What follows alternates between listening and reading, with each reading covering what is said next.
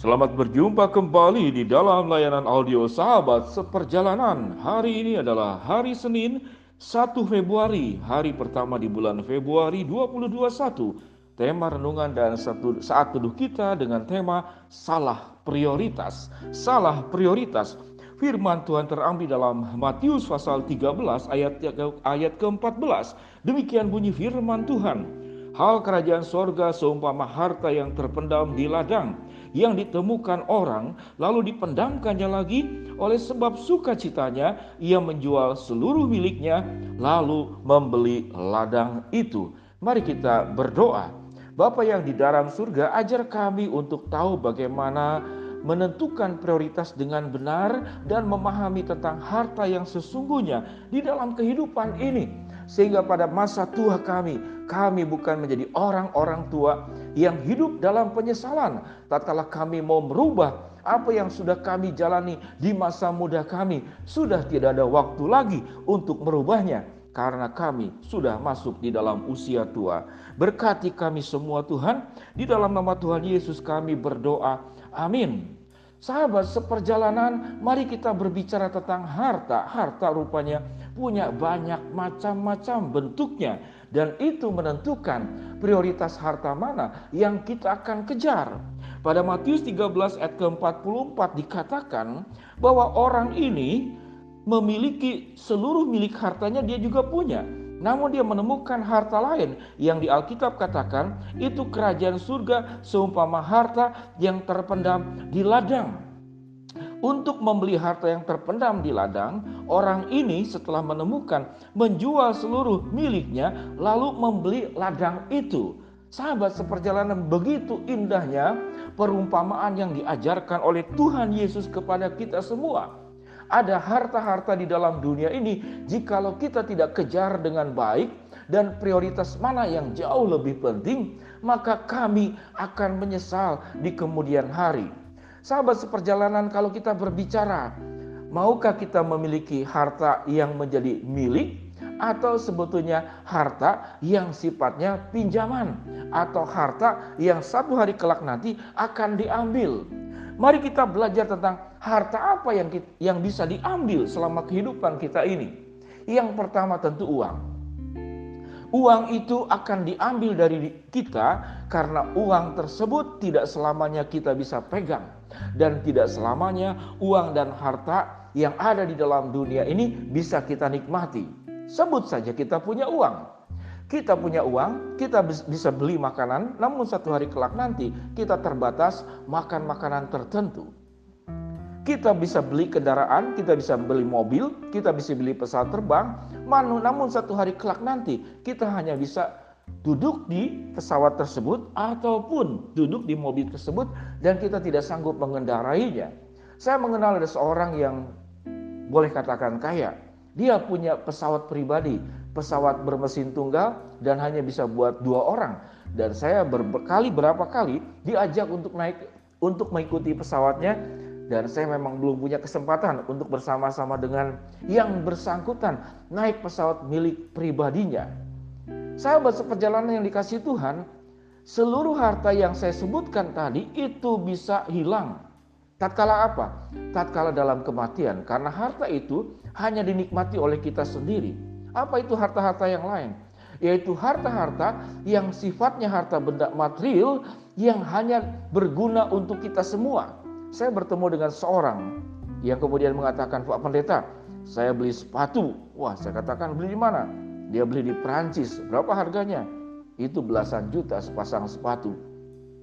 Lalu kemudian karena dia juga teman masa kecil saya, saya katakan boleh kenalan tidak? Sambil saya mengangkat kaki saya, lalu mencoba untuk menginjak sepatu tersebut karena itu kebiasaan di masa sekolah. Kalau ada sepatu baru biasanya diinjak oleh temannya sekalipun itu kebiasaan yang tidak baik. Maka dengan sangat cepat dia menarik sepatu baru yang belasan juta itu agar tidak diinjak. Saya sendiri tidak sengaja mau menginjak, hanya bercanda. Sahabat seperjalanan yang dikasih Tuhan. Sewaktu seseorang memakai sepatu yang belasan juta, itu bahagianya hanya oleh dia sendiri.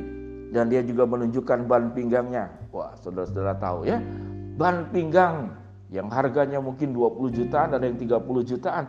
Bahagianya hanya buat dirinya sendiri.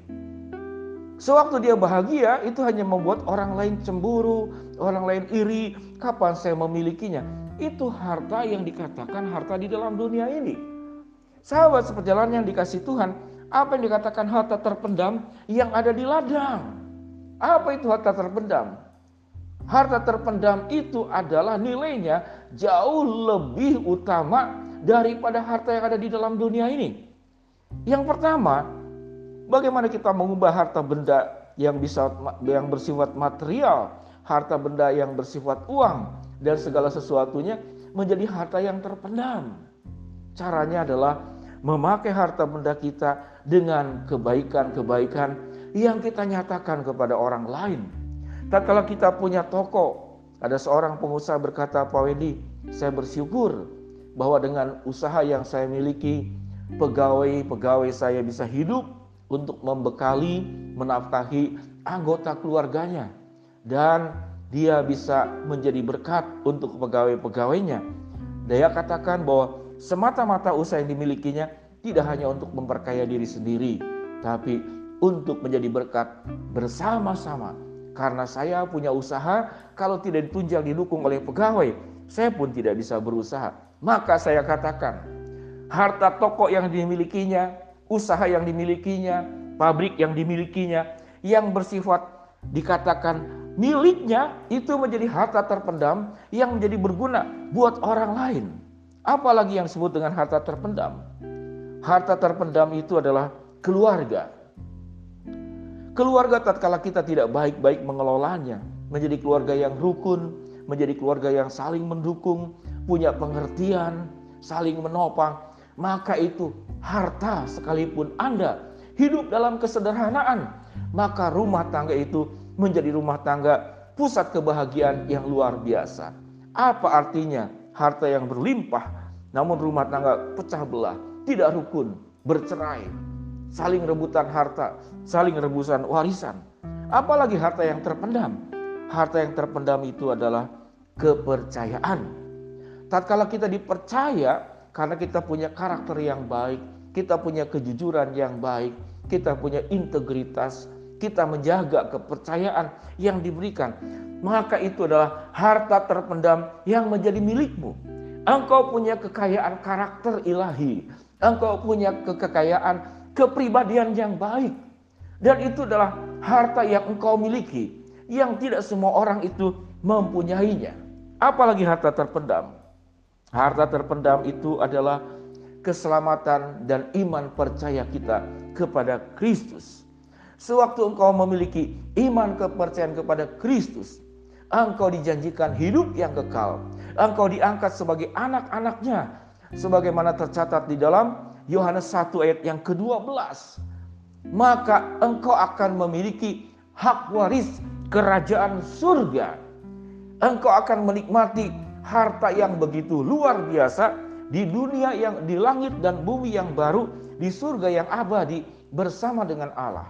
Kalau engkau tidak memiliki keselamatan di dalam Kristus, maka kita akan merasakan penderitaan yang luar biasa di api neraka. Sahabat seperjalanan yang dikasih Tuhan, jangan salah prioritas di dalam mengejar harta. Harta dunia kita perlu, namun harta dunia harus diolah menjadi harta surgawi yang menjadi berkat buat orang lain.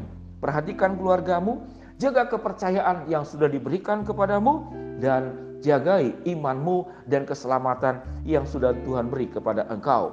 Jangan salah prioritas. Mari kita berdoa. Bapak yang di dalam sorga, hambamu berdoa buat sahabat seperjalanan yang sedang sakit di rumah sakit maupun di rumah. Dan khususnya kami berdoa buat sahabat seperjalanan yang mengalami kedukaan karena salah seorang keluarganya meninggal. Tuhan hiburkan dan kuatkan.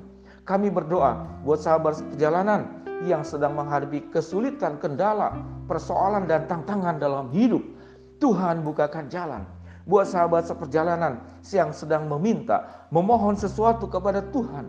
Tuhan yang kabulkan sesuai dengan waktu, rencana, dan kehendakmu. Di dalam nama Tuhan Yesus kami berdoa. Amin. Shalom sahabat seperjalanan, selamat beraktivitas di awal tanggal yang baru di bulan Februari. Jangan salah prioritas. Kejar harta yang sesungguhnya di dalam hidupmu. Shalom. Amin.